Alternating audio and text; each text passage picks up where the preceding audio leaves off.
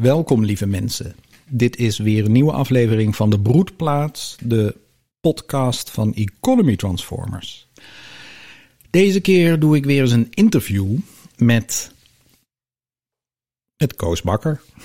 Ja, goedemorgen. En ehm, we hebben al een keer uitgebreid met elkaar gesproken over Slijpnier, het kapitaalorgaan Stichting Slijpnier, de oprichting daarvan. En eh, ja, we zijn. Koos heeft heerlijk verteld vanuit zijn biografie hoe die daartoe is gekomen om zo'n orgaan of die stichting op te richten. En we zijn gekomen precies tot de oprichting. En uh, vandaag willen we die, die lijn weer oppakken. En, uh, en, en, en, en hoe het verder is gegaan. Dus uh, we zijn in het jaar 1984, meen ik mij nog te herinneren. Stichting Slijpnier is net opgericht als kapitaalorgaan, zo noem ik het, uh, voor Odin. Odin is op dat moment van zichzelf gemaakt, zeggen we nu. Uh, het is dus niet meer verhandelbaar, niet meer als bedrijf te kopen of te verkopen. Betekent ook dat vennoten, dat de ondernemers zich niet hoeven in te kopen.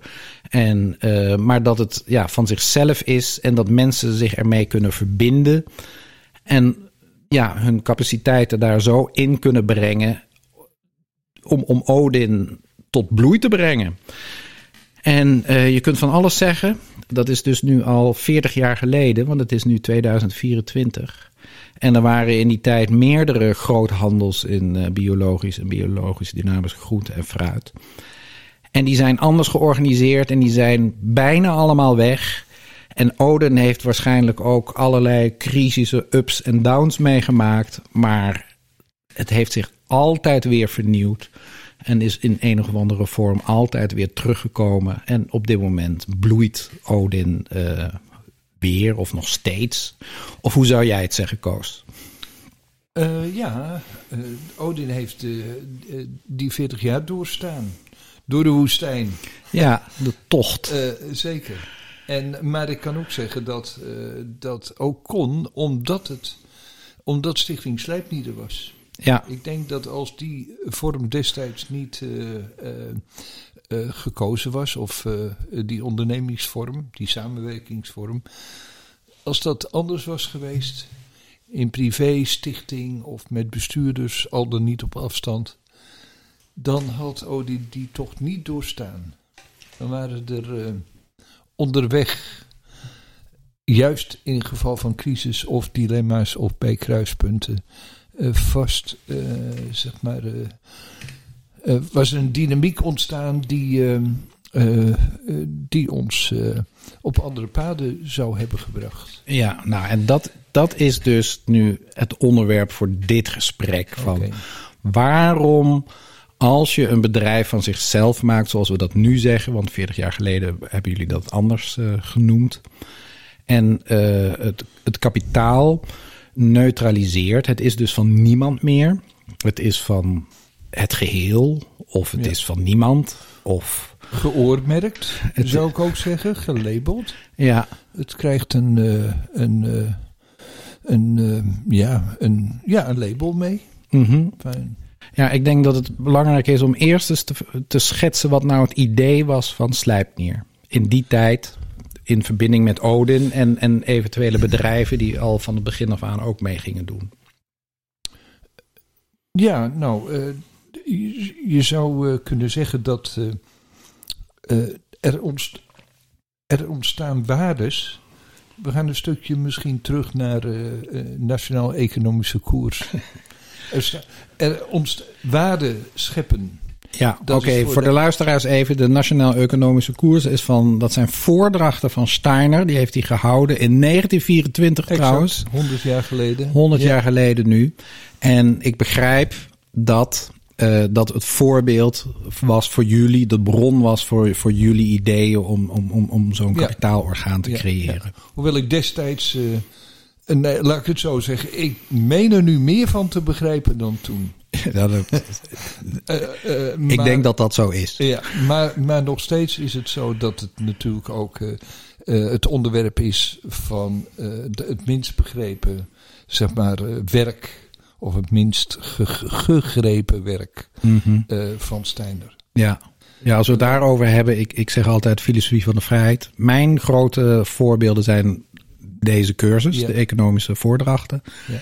En filosofie van de vrijheid. Dat zijn eigenlijk de meest niet gelezen werken van de 20e eeuw. Ja, en moeilijk te doorgronden ook. Ja. Maar eigenlijk ook moeilijk te doorgronden. Maar dan gaan we het daarover hebben, misschien heel kort. Ook omdat ze eh, een denkoefening zijn. ja. Het, eh, het zet je voortdurend op andere benen.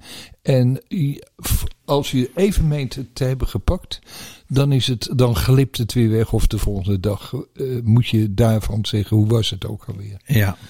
En, eh, en dat is natuurlijk in het economisch leven, in de sociale eh, context waarin we nu zitten met elkaar. natuurlijk ook steeds het spannende en de uitdaging om, om de werkelijkheid waarin we leven en waarin, waarin we acteren, om die steeds weer eh, eh, nieuw te grijpen ja. en opnie- opnieuw te grijpen. Nou, Waarom Slijpnier? Er, er ontstaat waarde, zegt hij onder andere, brengt hij in die cursus, eh, in die voordachten aan de. Er, er ontstaat waarde enerzijds door, eh, door je menselijke arbeid op grondstof, op natuur, eh, zeg maar, los te laten Te betrekken. te Ja. betrekken. En aan de andere kant, er ontstaat waarde door geest op arbeid. Dus hoe je de geest, hoe de geest vormend en ook waardescheppend in arbeid kan werken. Ja. Eh, eh, en, en uitwerkt. En je zou kunnen zeggen dus dat ehm, als je een handelsbedrijf bent in groente en fruit, dan ben je dus eigenlijk eh, ook bezig om dat wat anderen hebben gedaan om sinaasappels op bloemkool voor te brengen, om dat op een zodanige wijze in, eh, in het economisch leven verder te brengen, dat je dat met intelligentie en met je uitgangspunten en je idealen doet. En als je dat doet, dan ontstaat er waarde, vermogen en kapitaal. Als bemiddelaar. Hè? Dus daar hebben we het in de vorige podcast ook uitgebreid over gehad. Over, over de functie van de middleman of de bemiddelaar tussen productie en consumptie. Ja. Jij bedoelt het nu nog net iets anders. Ja, want eh, het is een dubbele functie. Als middleman eh, zie je beide kanten. Mhm. En eh, heb je ook een zekere exclusiviteit of monopolie. Mhm. Je weet dingen die beide kanten niet weten, of die overzie je. En dat geeft een zekere voorsprong of machtspositie. Ja. En aan de andere kant is het zo dat als je dat, maar de hele keten dat goed doet, zowel producent als middelman als, eh, als eh, Consumenten. eh, consumenten, dat er dan waarde ontstaat en ook overtollige waarde ontstaan. Ja. En waar, waar, waar laat je die werken en hoe laat je die werken? Enerzijds, Voor wie is het? ja. Van wie is het? Ja. Waar laat En je het enerzijds, werken? ik, ik, Ja. ik vond een ander beeld, ik weet niet of dat in die voordachten staat, maar dan, dan wordt er ergens het beeld gebracht dat als er dan waarde ontstaat in economisch handelen, dat je dan zoveel eh, zou moeten achterhouden, zodat je diezelfde diensten of producten eh, opnieuw eh, kunt, Kunt gaan leveren, en ja. kunt bekostigen. Ja. Eh, d- naar analogie dat een boer eigenlijk net zoveel zaaizaad achterhoudt als dat hij voor het volgende groeiseizoen nodig heeft. Mhm. Is dat niet een mooi beeld? Hè? Er is zoveel graan en, en nou, je houdt zoveel achter als je het volgend jaar eh, voor het volgende seizoen nodig hebt. En de rest is verworven of eh, geschenk van natuur en arbeid en mag geconsumeerd worden Mhm. mag verbruikt worden. En eh, dus mag je zeggen dat eh, uit die handelsstromen, uit die kapitaalvorming, eh, dat je daarvan kunt zeggen dat is dus daarmee van zichzelf of van iedereen geworden. En daar heb je een vehikel voor nodig. Nou, dat is de Stichting Sleipnier geworden. Ja. Wij noemen dat een kluis. Een kluis waarin iets wordt ondergebracht en Ja. beheerd. Ja, In dit geval de waarde die ontstaat door op een goede manier een middelman te zijn tussen productie en consumptie. ja. En, en dus eigenlijk dat wat er geproduceerd wordt af te stemmen op dat wat uh, geconsumeerd wil worden.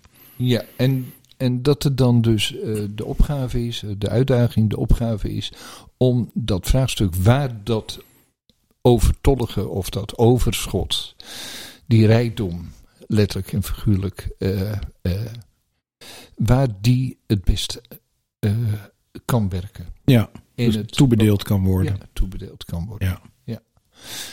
En uh, nou, daar komen dan allerlei vragen bij. In, in ieder geval was het voor de Odin-tijd zo dat dat geld wat er dan over was, meer dan uh, uh, vanzelfsprekend bijna weer naar Odin moest. Want we hadden groei en groeikapitaal nodig. Ja, dus het werd geherinvesteerd in de eigen organisatie om impulsen, om groeiimpulsen te kunnen financieren. Voorraadfinanciering, uitbreiding, maar ook uh, zeg maar mislukkingen te financieren. ja, ja. want dat hoort daar ook bij. Of, uh, of uh, ja, die, die geld kosten, omdat je meent dat het goed is. Ja. en, en dienstig is om dat te doen, maar die dan toch anders uitpakken. Het, het leven toont dan iets anders. Ja, ja. En die hebben we dus bij Odin ook gehad. Hè? Uh, zeker. Maar er kwam, uh, denk ik, uh, betrekkelijk snel kwam er op ons pad een, een bedrijf die eigenlijk toen we uitlegden, kijk, zo doen we dat. Um, zei, nou, dat spreekt me ontzettend aan. En ik kan naar de bank gaan. Maar als die stichting Sleipnier uh, zeg maar de ruimte heeft. Overschotten heeft, ja. Uh, dan, dan wil ik graag meedoen. Mm -hmm. En toen hebben we eigenlijk direct dezelfde rechtsvorm. Stichting als stille vennoot met een ondernemer, ondernemers als beherende vennoot, als ondernemer. Hebben we in dit geval voor die BD-teler oh ja, dat uh, ingericht. Een boer. Mm -hmm. ja. En hebben we hem voorzien vanuit de stichting van een stuk. Uh, Financieren van kapitaal. een stuk werkkapitaal. Ja. Zodat hij zijn dingen kon doen. Ja, dus als ik het goed begrijp.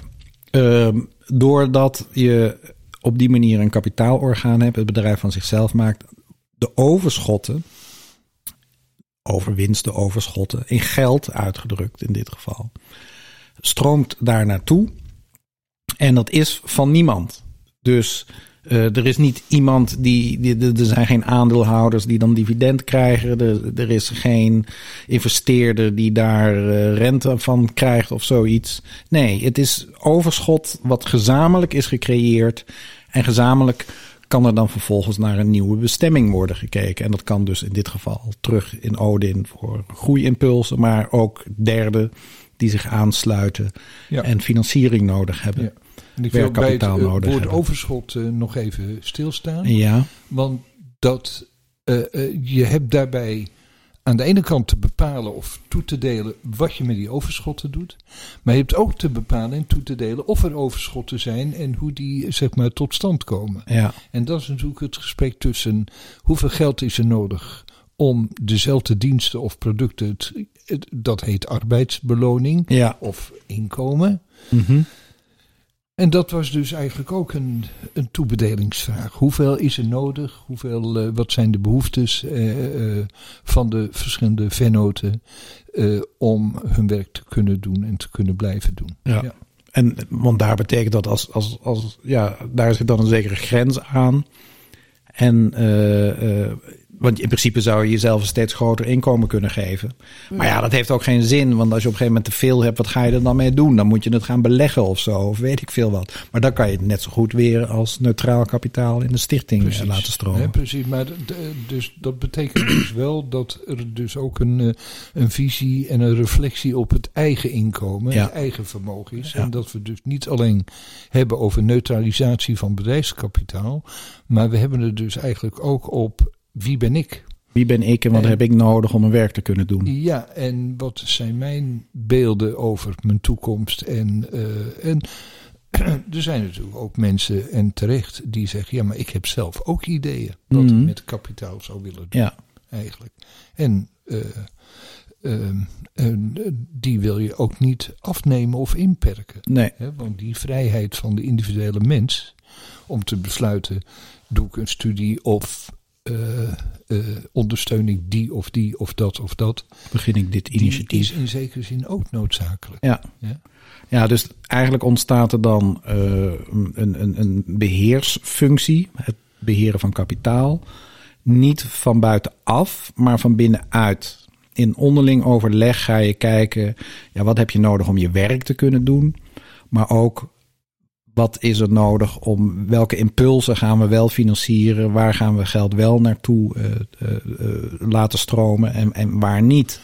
Zelfsturend, zou ik zeggen. Ja, ja, ja, ik zeg altijd van binnenuit. Ja, goed onderling nee, maar overleg. maar zelfsturend. Ja. Ja, Het, is, ja. het, is, het is horizontaal georganiseerd. Ja. En het is altijd een vraag die je opnieuw weer moet stellen en opnieuw weer moet kijken. Want de tijd schrijdt voort. Het leven gaat voort. En in dat leven krijg je steeds weer nieuwe situaties waar je weer opnieuw antwoorden moet vinden. ja. Dus in die zin houdt het nooit op. Nee. En eh, eh, die, die zelfsturing of de, die van binnenuit, dat Mhm. is natuurlijk een heel interessant ge- gegeven in deze tijd. Ja, Omdat dat van binnenuit tegelijkertijd enorm eh, eh, zeg maar aangevallen of in ieder geval ehm, eh, beïnvloed wordt door van buitenaf wetten, regels, verplichtingen, overheid ja, eh, enzovoort. Die daar eh, dan ook zo mee in hun honger om hun eigen programma en, en, en ambities in te vullen. mhm. Om, ja, omdat we hadden het net even over belasting op frisdrank. ja. En dat dan men meent, ja, havermelk valt daar ook onder. Eh, want ja, dus, dus eigenlijk ook, eh, eh, we zijn daar ook geldkoe. Ja, er zijn dus altijd kapers op de kust. Ja. Maar dat kunnen we ook zelf zijn. Hè? Als, we, als we onszelf iets toe willen we bedelen of stiekem een stroompje naar onszelf willen laten stromen. Die neiging hebben mensen over het algemeen ook. Ja. Maar mijn vraag nu is, want je- begon in de inleiding met, eh, nou ja, Odin bestaat intussen 40 jaar, of deze, deze vorm bestaat 40 jaar. En eh, heeft, eh, eh, ja, er komen nieuwe situaties. Het leven heeft nou eenmaal, confronteert je met vraagstukken. Als het niet in die vorm was georganiseerd, dan zou het misschien al lang ter ziele zijn gegaan. Hoe, waarom eh, vindt Odin zichzelf eigenlijk iedere keer weer opnieuw uit in nieuwe tijden, in nieuwe uitdagingen, omdat het zo is eh, gevormd, georganiseerd? Ehm, ja, waarom? Ehm, nou ja, ze heeft een, een, een missie om steeds toch ehm, die grote taak als organisatie tussen de, de boeren en de consumenten er te zijn en met de juiste ehm, zeg maar, opdracht haar rol te vervullen. En dan zie je dus dat gaandeweg met het veranderen van de tijd, de wijze waarop je die rol invult, rechtsvorm, organisatievorm, eh, ook mee, mee moet bewegen. Ja. En je zou kunnen zeggen dat we dus als Odin in de loop van de tijd steeds meer ehm, aan de ene kant partnerschap met de boeren hebben ontwikkeld. En aan de andere kant het, het partnerschap met de afnemers, met de consumenten, zeg maar, zij gaan vormgeven. Mhm. Naast eh, het feit dat daarin de rol van kapitaal en de medewerkers ehm, ook in zijn eigen eh, zeg maar vorm, eh, vormgegeven is. Ehm, ik moet zeggen dus dat je kunt zeggen, Odin heeft dus de reis in de afgelopen 40 jaar doorgemaakt van ehm, het verkopen van producten naar het inkopen van de behoeften van je afnemers. En het organiseren van die behoeften van de afnemers, dat definiëren eh, en, en dat zeg maar eh, neerleggen bij producenten. En andersom, producenten en fabrikanten hebben ideeën. Zou dit geen goed product zijn om dat ook waar te nemen? En dat product dan ook vervolgens voor te leggen aan de, aan de afnemers. En doorgaans wordt, wordt eigenlijk als enige criterium daarbij gehanteerd: wat levert geld op? Mhm. En uh, als er veel vraag is, dan kan ik er veel voor vragen. Mhm. En, uh, en ook uh, marge maken, winst maken. Maar dat als het ware waardevrij kunnen doen, zeg maar vrij kunnen doen, dat is een belangrijk goed.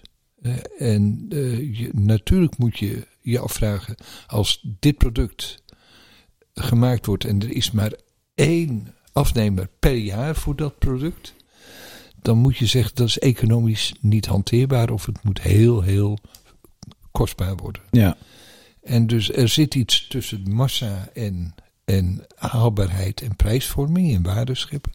Ja, en daar zit je als Odin zit je daartussen en Ja. kun je daar eh, de goede dingen doen, hopelijk. Ja, dus, dus je praat weer over de functie van de middleman, van de bemiddelaar. Ja. En je zegt, in mijn woorden, dat, en dat is ja, oude economie, onze huidige, of de reguliere economie, ik weet niet precies hoe je het noemen wil, is, is vaak eh, productie, dat is het uitgangspunt. Er wordt iets op de markt gegooid.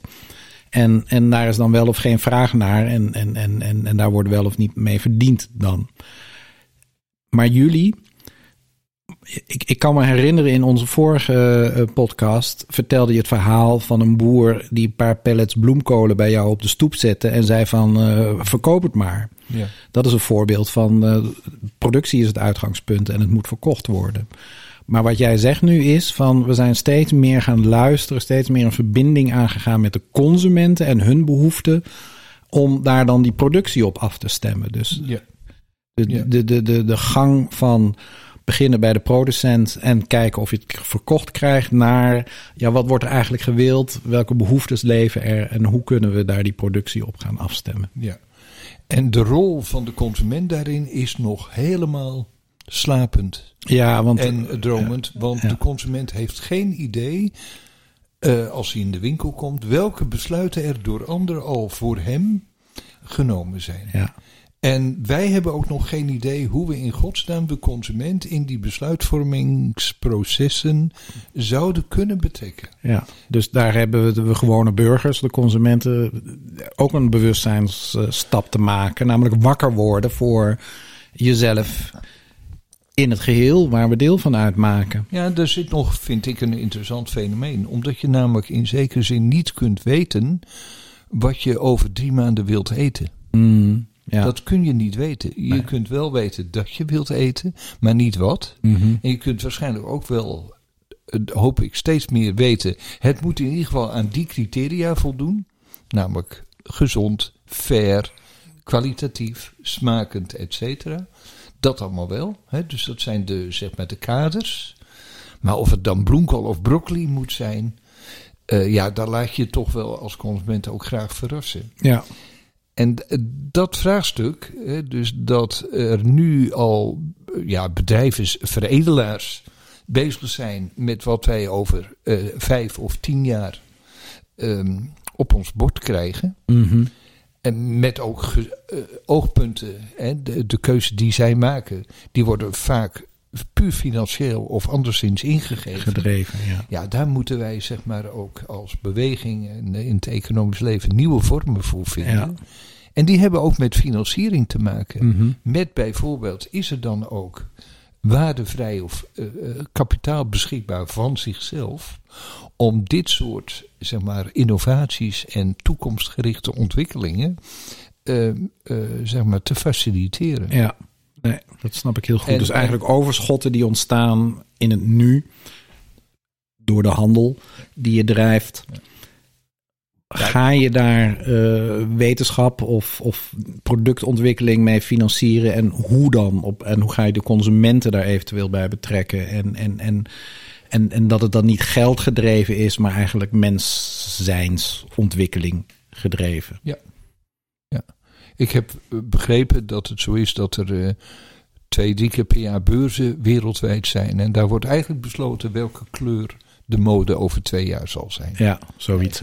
Ja. En dus eigenlijk zijn dat mensen met een antenne Mm. Hè? eh, Met dus eh, als het goed is. Ja. Eh, dat zijn de trendwatchers of de, de, die eigenlijk de toekomst naar voren halen. Mhm.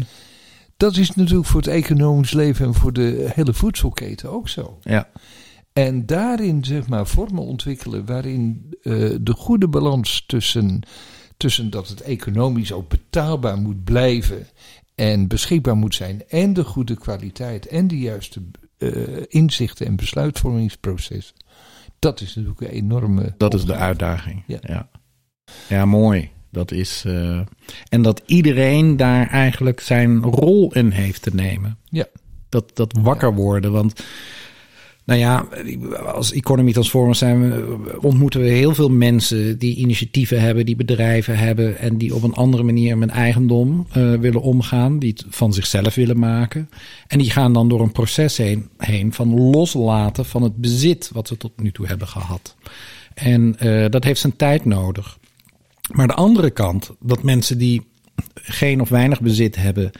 En, eh, maar wel mede door wat ze consumeren bepalen hoe landschappen zich ontwikkelen, hoe überhaupt zich alles ontwikkelt. Dat die wakker worden en ook deelnemen in dat hele proces van eh, toewijzing en, en, en afstemming. Dat, eh, dat, is, dat is ook een proces wat Ja. nodig is. Ja. Ja, en, en dus het ene proces om te besluiten om je, je onderneming, Mhm. zeg maar, in die setting voor te zetten of te, te structureren.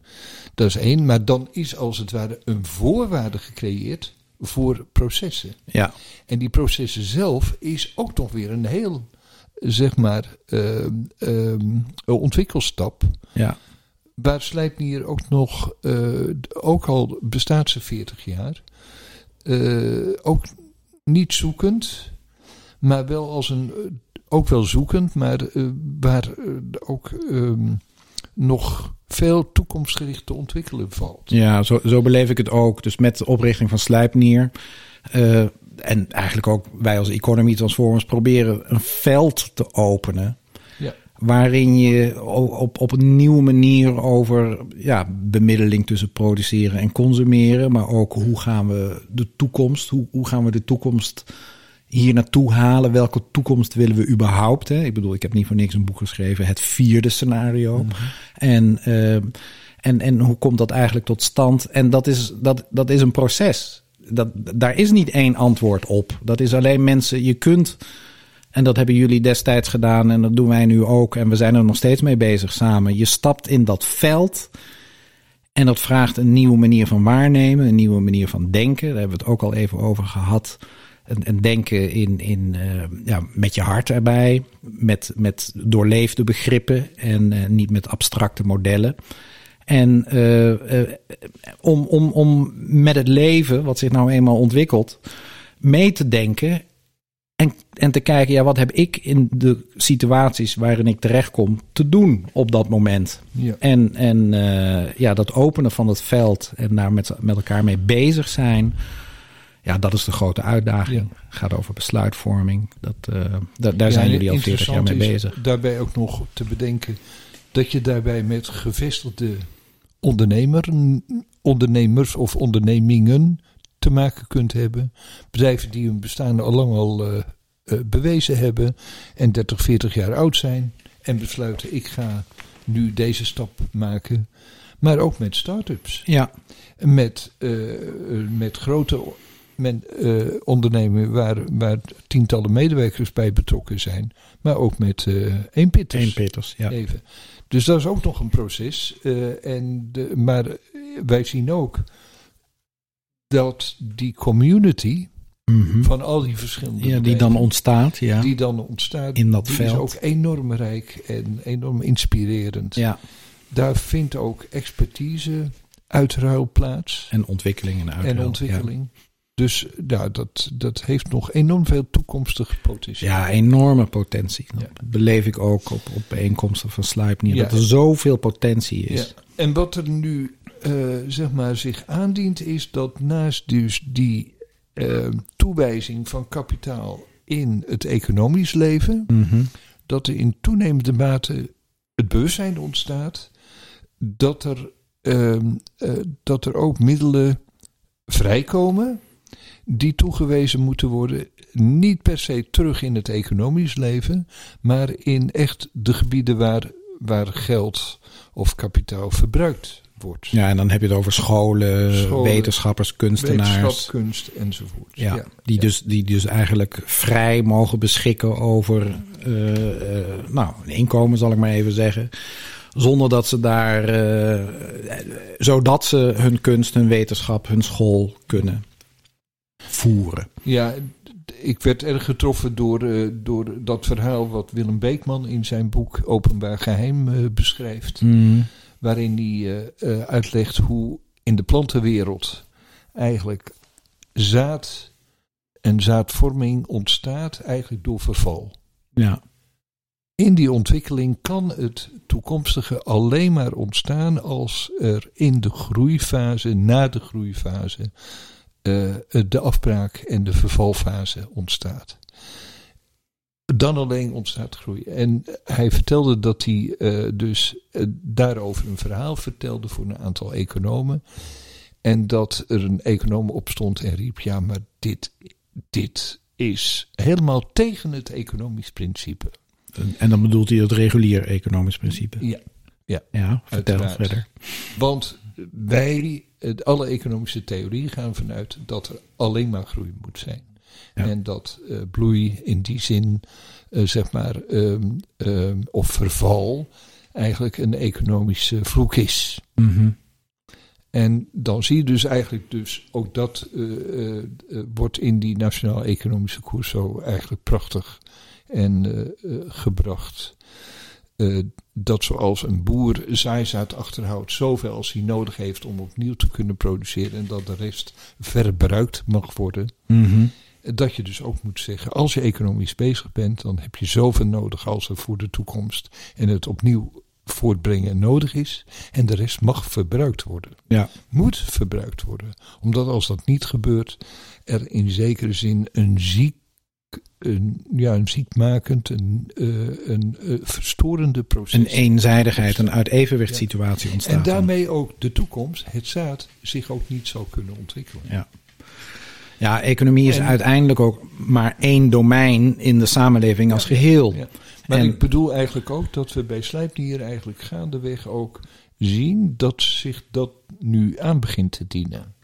Dat wij de ruimte moeten creëren, maar ook krijgen om die toedeling van wat is dan letterlijk overschot in het kapitaal. Mm -hmm. Dus niet wat hebben we over wat naar Slijpnier kan, ja. maar wat heeft Slijpnier over? Over om eventueel uh, weg om te verder, schenken. Uh, verder uh, te laten werken. Mm -hmm. Anders dan in puur economische activiteit. Ja.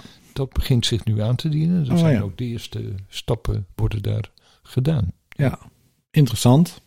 Ja, nee, ik zeg altijd wetenschap, kunst, dat is nou juist de opbouwpol van de samenleving als geheel. Als er geen gezonde wetenschap, geen gezonde kunst en zo, geen gezonde scholing is, en met gezond bedoel ik uh, vrij, dat, dat mensen mogen ontdekken wat voor impulsen ze hebben en die vrij mogen gaan uitleven in eerste instantie, zonder dat er meteen economische waarden moeten gecreëerd of geld verdiend moet worden, zodat er nieuwe dingen kunnen ontstaan. Ja, als dat niet, uh, als dat niet wordt gefinancierd, dan, uh, ja, dan droogt de samenleving als geheel op. Want de opbouwpol van de samenleving droogt dan op.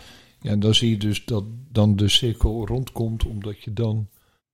Um, omdat er dan middelen beschikbaar komen waarmee eigenlijk de geest zich verder kan ontwikkelen, ja, ja. Kan, kan, kan manifesteren, die dan weer behulpzaam kan zijn om op een slimme, menswaardige wijze arbeid en productiemiddelen, ja. zeg maar, zinvol voor de mensheid toe te wijzen. Ja, ja dus eigenlijk de, de, de, de, de economie waarover Steiner in zijn economische cursus vertelt, dat is een organisme, dat is een, dat, dat is een iets wat ontstaat, zich ontwikkelt en weer vergaat. Er vinden continu opbouw- en afbraakprocessen ja. plaats en er is bemiddeling. Het is organisch.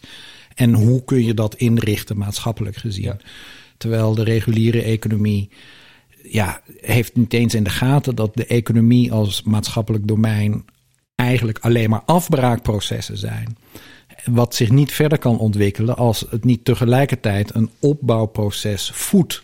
Ja. En een heleboel maatschappelijke vraagstukken die op dit moment voor iedereen voelbaar en beleefbaar zijn, uh, ja, zijn ontstaan door die, door die denkfout eigenlijk. Dat, dat, dat, de, dat de opbouwpol van de samenleving, dus kunst, wetenschap, zorg, onderwijs, dat dat niet goed uh, gefinancierd wordt.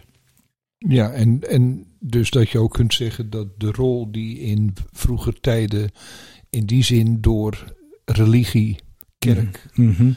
Um, adel en, en zeg maar kloosters en dergelijke Ja. werd ingevuld, dat die rol zeg maar is uitgespeeld en dat bij gebrek aan inzicht de staat uh, zich die rol heeft toegeëigend, of de overheid, of wij. hè, Ja. Wij vinden dat we dan Mhm. de overheid zijn. En dat daarmee natuurlijk, uh, ja, zeg maar, politieke en, en andere krachten zijn losgelaten. Uh, die in hoge mate, zowel in het economisch leven als in dat vrije leven van wetenschap en kunsten en onderwijs, ingrijpen. Mhm. Ja, dus we staan ook echt voor de opgave om daar nieuwe verhoudingen in te vinden. Ja. Ja, En, en dat, dat, dat, dus die hele grote maatschappelijke vraagstukken, door Stichting Slijpnier, door 40 jaar geleden dat veld te openen en daarin te stappen als mens, zoals we zijn en zoals we nu denken, ja, creëren we eigenlijk de, de mogelijkheid om, om, om, om nieuwe vormen te gaan creëren. En dat, dat nou ja, daar, daar zijn we, dat, dat staan we aan het begin van. ja. ja waarbij het ook nog zo is dat het door zelf, dus van binnenuit, wordt opgebouwd. Ja, En niet zoals jij net zei, van buitenaf. Dus er zijn niet zozeer, eh, het is niet een richtlijn van een ministerie. nee, precies. Eh, het is werkelijk zelf en eigen begrepen inzicht waarlangs ondernemers met elkaar samenwerking zoeken en vinden. Precies, van binnenuit. Goed onderling overleg, van binnenuit. Ja. Dan, dan is, zou je nog eens een, een, een, een, een, voorbeeld kunnen geven in de geschiedenis van eh, Odin en Slijpnier, waar, eh, eh, ja, waar eigenlijk Odin in een crisis terecht is gekomen. En waarin ze zich, zichzelf opnieuw moest uitvinden. Er moest iets gebeuren. Die, als, als het van mensen was geweest, Odin. Of als het kapitaal niet neutraal was geweest. Als er geen slijpnier was, waar het dan eigenlijk mis zou zijn gelopen. Had kunnen lopen. Had Ja. kunnen lopen. Ja. Ja. Kun, je, kun je dat? Is er, is er iets? Mag dat ook? Ik bedoel, ik weet niet of, of uh, Nou. deel wat je te delen hebt. Mm, Ja, waar denk ik dan aan? Ik denk onder andere aan dat voor de ontwikkeling van Odin uh, Slijpnier alleen uh, als kapitaalverschaffer, uh, als kapitaalbeheerder voor het bedrijfsvermogen Mm -hmm. ontoereikend werd. Uh, en niet voldoende kon functioneren. Niet meer voldoende kon functioneren. En dat heeft geleid tot de overgang van Odin als commoditaire vennootschap met de stichting als stille vennoot en een aantal beherende ondernemers als beherende vennoten. Uh, de overgang naar de coöperatie Odin. Mm, welke tijd was dat? Uh, dan praten we denk ik nu over goed 10 jaar, 10, 12 jaar geleden. Ja, dus, dus uh, 2012. Ja, en dat had te maken met een aantal factoren. Het eerste was dat de bedrijfsaansprakelijkheid voor de beherende vennoten door de omvang van de onderneming te groot werd. Mm. We hebben altijd gezegd, medewerkers kunnen zonder uh, uh, financiële transacties vennoot zijn en worden en er ook ja. weer uitstappen. Ja, ze hoeven zich dus niet in te kopen of uit te Precies. kopen, of hoeven niet uitgekocht te worden. Ja, ja maar de, de, de financiering, de aansprakelijkheid werd zo groot dat medewerkers zeiden: Ik wil wel, maar dit kan, kan je uh, ja, zeg maar, eigenlijk niet van mij vragen. Ja, ik wil dit niet dragen, het is een dat groot wij risico. bij de bank waren waar we nieuwe financiering kregen voor vrachtauto's en gebouwen en koelcellen en voorraad. En dat we daar met 12% 12 of 14 vennoten in de grootste zaal van de Rabobank, waar we de financiering kregen, om een ronde tafel zaten met echtgenotes. En dat mijn lieve vrouw me aankeek, eh, omdat wij een, een, eh, een document moesten ondertekenen waar we handgeschreven op moesten zetten. Goed voor 2 miljoen euro met rente en kosten, et cetera. En daar moest mijn echtgenote dan ook haar handtekening Ja. op zetten.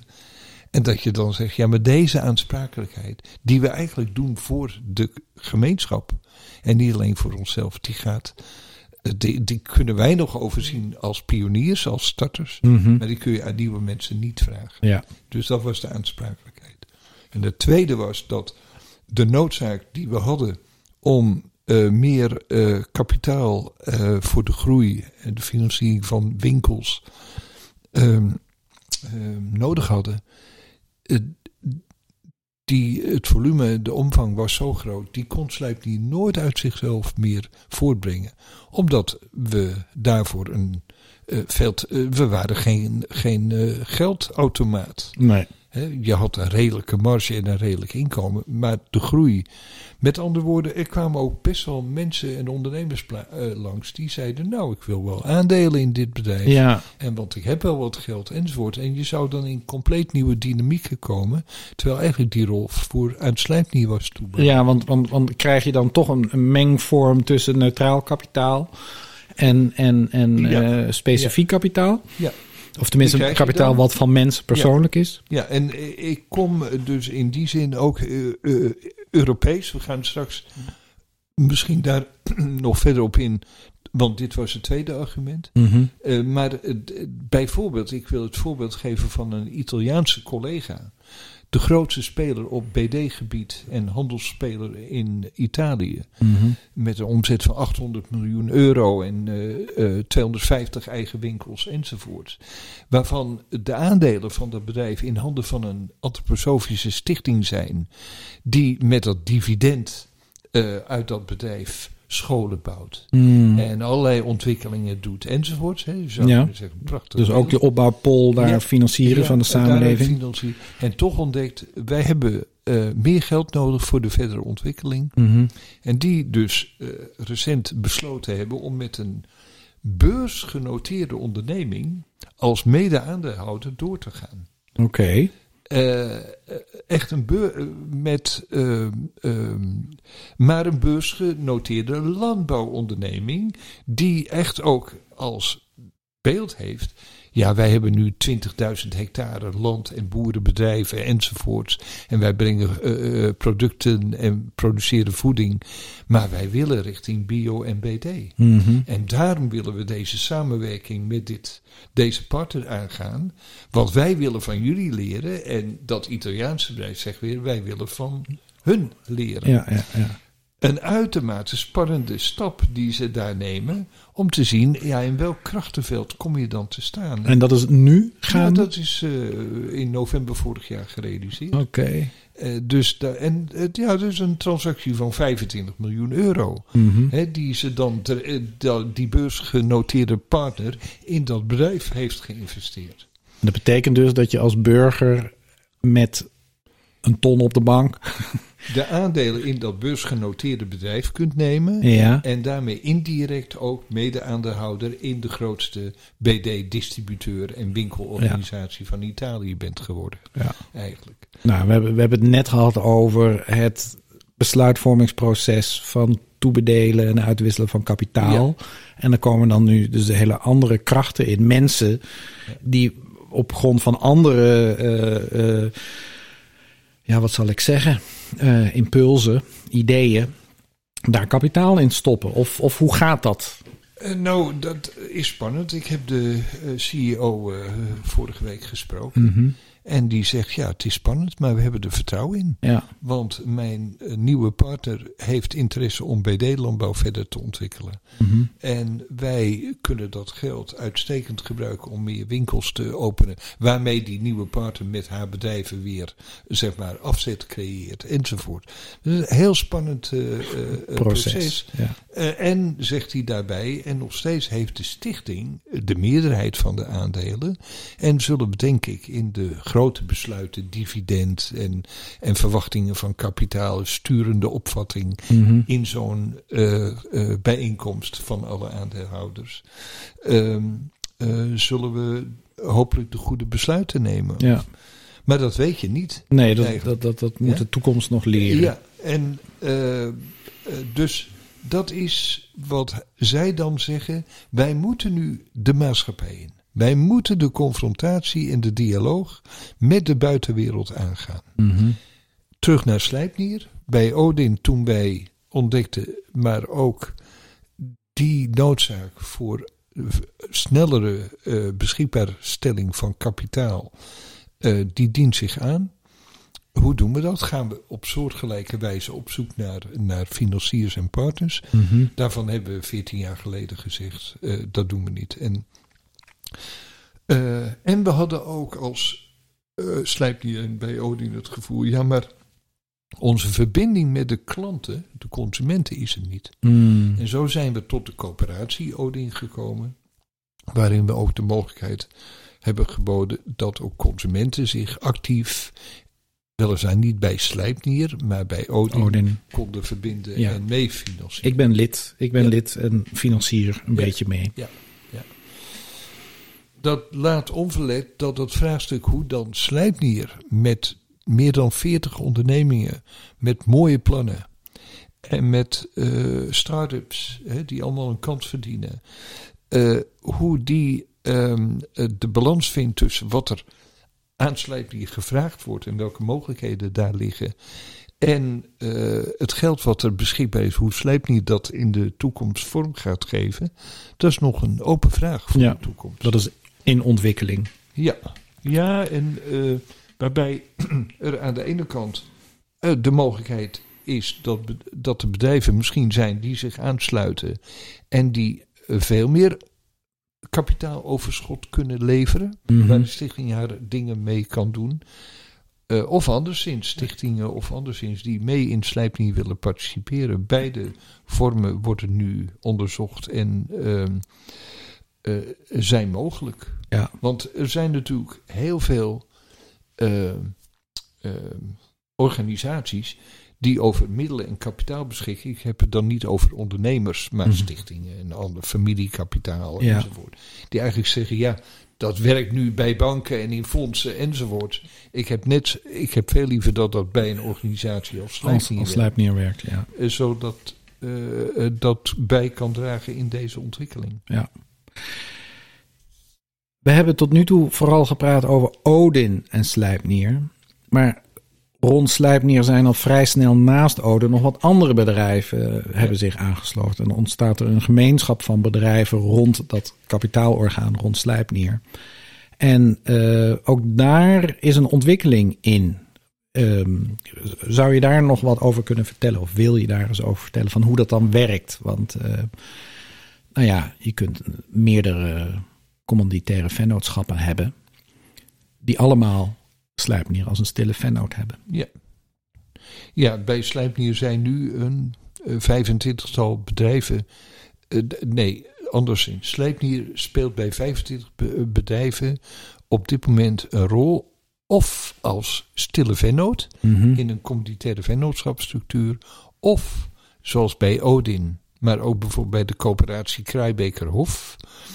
Eh, waar coöperaties, eh, dat is nog een andere vorm, die eh, dus door die oriëntatie op wat is de juiste ondernemingsstructuur voor Odin, zijn we op de coöperatie gekomen. Mhm. Waarbij die factoren kapitaal, arbeid en, en product, zeg maar op een bepaalde manier in ledencategorieën is vormgegeven. Mm. Eh, en dat is bijvoorbeeld ook bij de coöperatie Kruibekerhof het geval. Dus daar is ze dan kapitaallid in, eh, in de categorie kapitaalleden, kapitaalverschaffers. In een coöperatie waar ook het oormerk of het i- idee is om kapitaal van zichzelf te laten zijn Mm. in een coöperatie. En de derde eh, richting die gekozen is, is dat Slijpnier ook als ehm, eh, golden share of meerderheidsaandeelhouder in een aantal besloten vennootschappen of ondernemingen die als BV opereren Ja. actief zijn. En Wat er dan ontstaat is een gemeenschap van bedrijven je zou ze de slijpnierbedrijven kunnen zeggen, Ja. eh, noemen, die van zichzelf zijn gemaakt door in een of andere vorm verbinding te maken met de slijpnier. En wat ontstaat daar dan? Wat ontstaat daar voor een dynamiek tussen die verschillende bedrijven? Ja, van alles. Eh, eh, persoonlijke dynamiek, vriendschappen, Mhm. Ja. samenwerking, kennisuitwisseling. Eh, ook de, de, de keuze om dingen die je normaal extern uit zou besteden of in zou kopen, om die bij voorkeur in de, In de gemeenschap in de van bedrijven, community, eh, ja. te houden of Mhm. eh, eh, te besteden. Ik noem wat als je vergaderruimte nodig hebt ergens. Dat je dan, die je misschien ergens zou huren, dat je dan toch kijkt, kan dat op het landgoed Krijbekerhof Ja, of, de- of bij het Veerhuis of Ja. enzovoort. ja bij ja. Dus dat ontstaat. Of de kerstpakketten. Hè, waarbij gezegd wordt, hé, maar die bijenwaskaarsen of dat boek, ja, die eh hè, dus er ontstaat een inner, inner, interne geldcircuit en waarneming ook. ja. Ehm, dan is het zo dat er een liquiditeitspool ontstaat. Er zijn bedrijven die eh, tijdelijk beschikken over eh, eh, liquiditeit die elders nodig zou zijn en misschien bij een bank aangetrokken zou moeten worden. Ja, ik geef daar altijd het voorbeeld van eh, eh, eh, surfschool The Shore. Dat is een van de slijpnierbedrijven. Die, heeft, die verkoopt dus surflessen en heeft in augustus flink wat geld op de rekening staan. Want dan hebben ze de hele zomer lang surflessen verkocht. Terwijl Dipam, de kaarsenmakerij, ook een slijpnierbedrijf, dan eh, geld nodig heeft om bijenwas in te kopen voor eh, de, de kerstmaanden. Ja. En, eh, Ja. en dan kan het geld dus van de een naar de ander Exact. gaan. En, en, en omgekeerd, dan heeft eh Dipam in januari een hoop geld op de rekening. omdat ze veel kaarsen hebben verkocht in, in de donkere dagen voor kerst. En de Shore heeft dan alweer maanden geen eh, eh, surflessen kunnen verkopen. Dus dan help je Ja. elkaar op die manier. Ja, Ja, ja. Wat je dan dus de liquiditeitspool kunt noemen. dat noem je de Eigenlijk. En liquiditeitspool. eh, dus dat is een eh, ander voorbeeld. Eh, de kennisuitwisseling. Mhm. Ik noem vraagstukken rondom eh, ICT, hè, informatica en eh, zulke zaken. Maar misschien ook wel eh, eh, het toewijzen van arbeid. Ja, Ook, hè. Waar worden mensen gevraagd ja. die elders zeg maar eh, aange of eh, beschikbaar zijn? Dus dat, dat, dat gebeurt. En dat zijn nu een twintigtal bedrijven. En de dynamiek van die bedrijven is ook heel verschillend. Dus van een horeca, surfschool Mhm. tot aan een uitgeverij. En van Odin tot aan een beeldhouwwinkel. En Ja. Eh, dienstverlening, buitenschoolse opvang, scholen, you name it. Ja, maar het is echt een gemeenschap van bedrijven die elkaar waarneemt, die met elkaar meeleeft, die zichzelf op elkaar betrekt. En, eh, en, en, ja, elkaar eigenlijk wederzijds helpt zich te ontwikkelen. Ja, maar ik moet ook zeggen, ik wil het niet eh, eh, rooskleuriger Maken dan eh, dat het is. maken dan dat het is. Want die bedrijven zijn primair op hun eigen opgave gericht. Mm, En hebben dus primair toch een taak om hun surfschool of hun uitgeverij goed te le- leiden. ja, Met alle vraagstukken die daar spelen enzovoort. ja, Uiteraard. Maar, eh, eh, en dus dat is ook een tijdsfactor en zo, al, eh, een, eh, een, eh, een afstand in Nederland, hè, Mhm. van Assen tot aan Breda enzovoort. Hè, dus dat eh, speelt ook een rol. Maar we hebben al wel geconstateerd dat er sectorgewijs mhm, uitwisseling makkelijker plaatsvindt. Dus de handelsbedrijven en productiebedrijven onderling, of de, buiten, de onderwijs- en de buitenschoolse activiteiten onderling, die vinden elkaar dan al makkelijker. ja, En daarnaast zijn er natuurlijk ook onderwerpen zoals pensioen, Ja. de dagsvoorziening, huisvesting enzovoort, die natuurlijk allen interesseert en die het themagewijs ook ter hand kan nemen en waar ook initiatieven of mogelijkheden uit kunnen voortvloeien. ja. Vertel eens over het pensioen als vraagstuk. Want eh, regulier eh, economisch gedacht, ja, en je bent de ondernemer, tegen die tijd dat je met pensioen gaat, verkoop je je onderneming gewoon. Ja. En dan heb je een, een, een flink eh, bedrag op de bankrekening staan waar je in principe je oude dag van Ja. kunt eh, genieten. Maar als het bedrijf van zichzelf is gemaakt, dan, dan eh, kan dat niet. Dus hoe, hoe dan wel? Hoe ga je om met elkaars oude dagen, om het zo maar eens te zeggen? Nou, dat, dat is een vraag die, die nog niet 1, 2, 3 beantwoord is. Mhm. Er zijn mensen die inmiddels met pensioen zijn en leven. Ja. En, eh, ehm, maar ik zie wel dat de communitaire vennootschap eh, de, overgang van de ene uitvoerende ondernemer naar de ander in hoge mate ge- vergemakkelijkt. Ja. En in die overgang, ook al blijft het een slijpdierbedrijf, kun je uitstekende, vind ik, afspraken maken over, eh, de, eh, de, over dat vraagstuk. Mm. Hoe die ook mogen zijn. Vruchtgebruik, nog meewerken, het afbouwen daarvan. Daar, daar, daar kan van alles ontstaan. Sterker nog, ik zie juist, ik, want wij komen als slijpnier ook wel nogal op bezoek bij ondernemingen die geen slijpnierondernemingen zijn. Mhm. Eén of twee pitters. Ja. En die voor dat vraagstuk staan. En daar zie ik daar, juist vanwege het pensioen dat daar de overgang of de overdracht van zo'n bedrijf veel moeilijker is.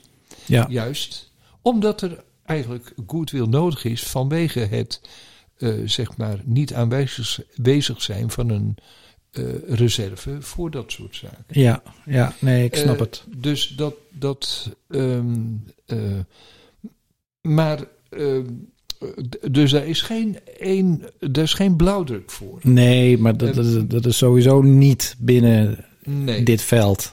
Nee, vaak is natuurlijk, zeker ook in de landbouw, de verkoop van grond of bedrijf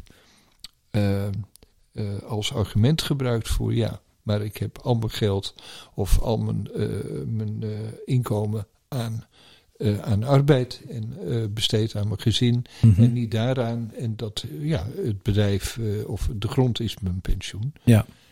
Ja, met als gevolg dat dat heeft grote nadelen, want dan is de nieuwe koper van de grond, die dan inmiddels drie keer over de kop is gegaan, Ja.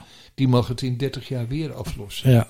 Nou, we weten, daar gaat deze, dit gesprek niet over Nee. hoe funest dat, Dat, is voor, de, voor het geheel waar we allemaal deel van uitmaken. Ja. Ja, voor de Ja. samenleving. Ja. Eh, maar het is in ieder geval een onderwerp waar eh, wat ten eerste onderzoek vraagt. Mm. Hoe zit het eigenlijk precies voor mij en in het algemeen? En dus ook eh, een prima gespreksonderwerp is om uit te wisselen. Hoe heb jij dat gedacht of opgelost? Of vlieg je dat aan? Eh, wat dan ook tot, eh, tot, eh, tot initiatieven kan leiden of tot afspraken kan leiden. Ja, ja dat, dat pensioenvraagstuk. In principe is het natuurlijk zo dat als je stopt met produceren of met waarde creëren of ondernemen, hoe je het precies wilt noemen. Ja, dan, dan, dan, dan behoor je gedragen te worden door de mensen die dat nog wel doen. Ja. Maar ja, slijpneer, initiatieven in die richting, dat is allemaal nog klein om dus op een horizontale manier elkaar te dragen. En inwording? Maar het is wel in wording. Ja. Ik kan me heel goed voorstellen dat dat zich ontwikkelt. Dus op een gegeven moment komen er antwoorden die in die situatie ervoor zorgen dat mensen die eh, ja, van een oude dag willen genieten, dat die gedragen worden door de gemeenschap van Ja, mensen er is die. bijvoorbeeld een sociaal fonds Oh, ja. Een Ja. kleine, kleine reservering Mhm. die opgebracht wordt of jaarlijks eh, zeg maar eh, eh, gevuld wordt. Ja, Of aangevuld wordt. Gevuld of aangevuld, afhankelijk van wat zich voordoet. En die niet op dit moment werkt als pensioen om, maar veel meer zeg maar, in incidentele omstandigheden, ziekte, zeer Ja. of anderszins. ja, ja dan, dan hebben we het eigenlijk over verzekeren.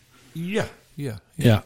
En dan is de pech in dit geval van de enkeling kan gedragen Ja, worden door het geheel. Of, ja, de pech, maar in ieder geval, het kan. eh, eh, het, ik kan nu zo 1, 2, geen voorbeelden en die voeren misschien ook te ver. Mhm. Maar dat is er. Dus er is aan gedacht Ja. dat, eh, dat dat. En iets anders is ook nog de, de vaststelling of de afspraken rondom winst en resultaat. Mm. Ook dat eh, als je als onderneming, als vennootschap het draait en je besluit: oké, we hebben dit jaar zo en zo gedraaid. eh, dan is in de vaststelling van je jaarresultaat eh, eigenlijk dat vraagstuk van pensioen hoort mee te genomen Ja, te moet worden. meegenomen worden. Moeten we daar nu iets voor afspreken of eh, reserveren? Of hoeft het dit jaar niet, of überhaupt niet? En kunnen we dat over vijf of tien jaar nog eens bekijken? Ja, Zijn alle ondernemers 30 of zijn ze allemaal 65? ja.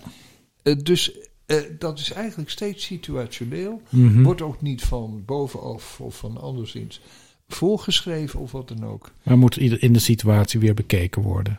En opgelost. En ook eh, de, de, de wakkerheid van iedereen in de- dat vraagstuk eh, Ja. wordt daarin eh, eh, gevraagd. Wat ik je hoor zeggen is dat overdrachtsvraagstukken op deze manier veel makkelijker gaan.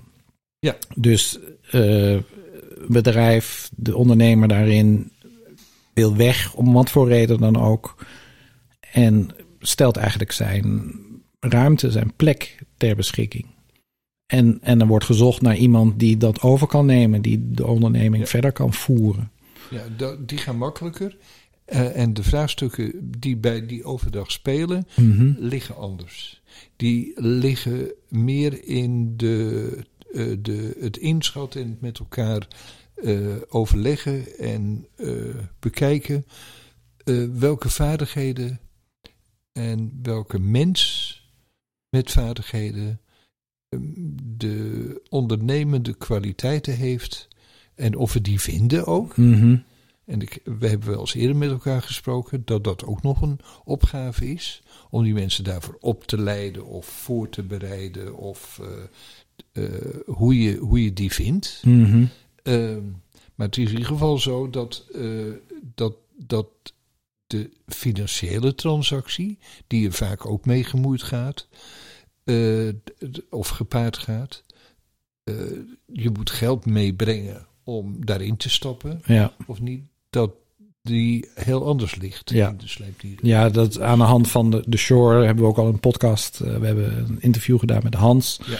Die vertelt er uitgebreid over hoe, ja, hoe, hoe het wel of niet inkopen in een bedrijf, eh mede-ondernemers worden.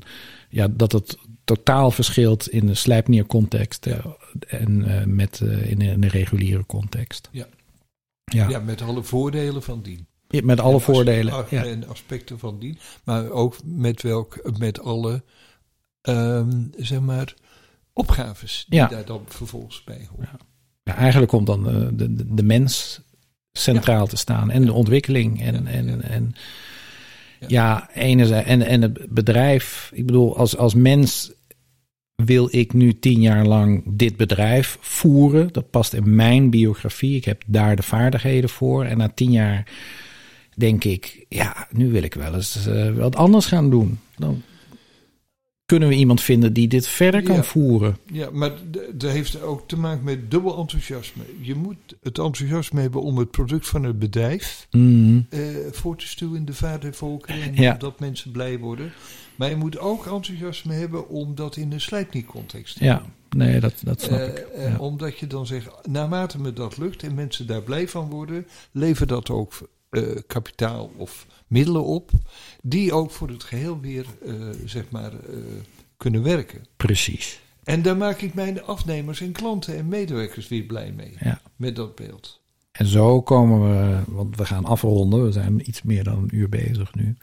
Eigenlijk weer bij het begin dat de oprichting van Slijpnier destijds, het functioneren van Slijpnier nu nog steeds, is het openen van een veld die alle vraag, of, of, ja, die, die, vraagstukken van overdracht, van ondernemen, van menselijke biografie en hoe kun je hoe kun je jezelf invoegen in het geheel op een gezonde manier? Eh, ja, die opent dat veld om die vragen aan te gaan en ook op een gezonde manier eh, in, in, in, in, in concrete situaties op te lossen. Iedere keer weer opnieuw. Ja, en ik wil daar afsluitend ook hè, nog bijvoegen dat we, eh, of aan toevoegen, dat wij dus die 20, 25 bedrijven die nu, uh, zeg maar, waar Slijpnier in, de, in participeert, Mhm. of die participeren in Slijpnier. Het is Ja, ja, Het is een ziet. wederzijdse gebeuren. Eh, dat we ook gemerkt hebben dat eh, de coöperatie Slijpnier, die daar, daarbij eh, of daarnaast staat, Mhm. waarbij het lidmaatschap van de coöperatie als een oriëntatie op het wordt een slijpnierbedrijf, het kan een slijpnierbedrijf worden, ehm, eh, ja, zeg maar als uitgangspunt dient, maar ook in het eh, leren samenwerken en het leren, eh, zeg maar, het samenwerken rondom het lidmaatschap van de coöperatie. Dat dat ook nog een, eh, een heel belangrijk eh, eh, ontdekken we tool is, waar nu ruim 40, 45 eh, eh, ondernemers of ondernemingen bij zijn aangesloten. En dat het ook een soort, ik wil niet zeggen voorveld is. Dat het Mm. een beter is als de ander. Of dat de aansluiting bij Slijpnier het ultieme is. Want de coöperatie zelf is ook al een leerveld Ja, waar genoeg over te zeggen valt. Dat dat het geheel eh, ook nog rijker maakt en eh, de community in feite nog veel groter maakt ja, dan die twintig bedrijven die, Die nu- bij ja. zitten. dat snap ik heel goed. Nou, daarmee zou ik graag willen afronden. Ja, je hebt net nog iets toegevoegd, maar is er nog iets wat je, wat je wil zeggen of wat ik niet gevraagd heb? Eh, het kan ook zijn dat we over een half jaar denken, eh, we moeten weer eens een uur praten over allerlei thema's die spelen. Ehm, ja, heb je nog iets te zeggen? Ehm, nee, nou, nee, nu. eh, Nee, ik zou zeggen dat. ehm, eh, ik zou willen zeggen dat we niet moeten onderschatten. Eh, eh, maar ook niet naar zijn schoenen moeten staan of lopen. Hoe belangrijk deze ontwikkeling is.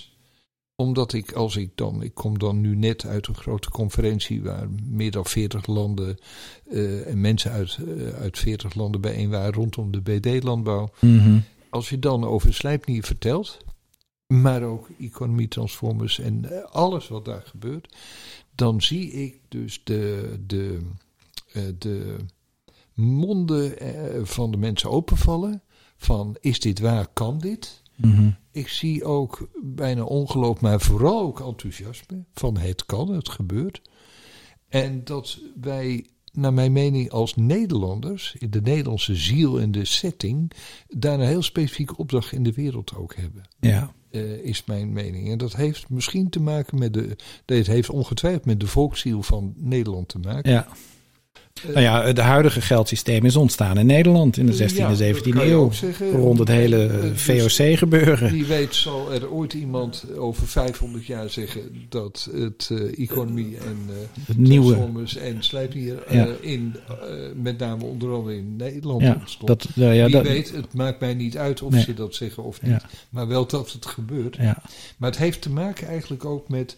Want dat merk ik als ik bijvoorbeeld met Duitse eh, ondernemers spreek. Die willen eerst alles weten, ja, hoe het zit, voordat ze instappen. ja. En dan zeg ik altijd: ja, maar wij zijn zee- zeevaarders, Mhm. wij zeilen.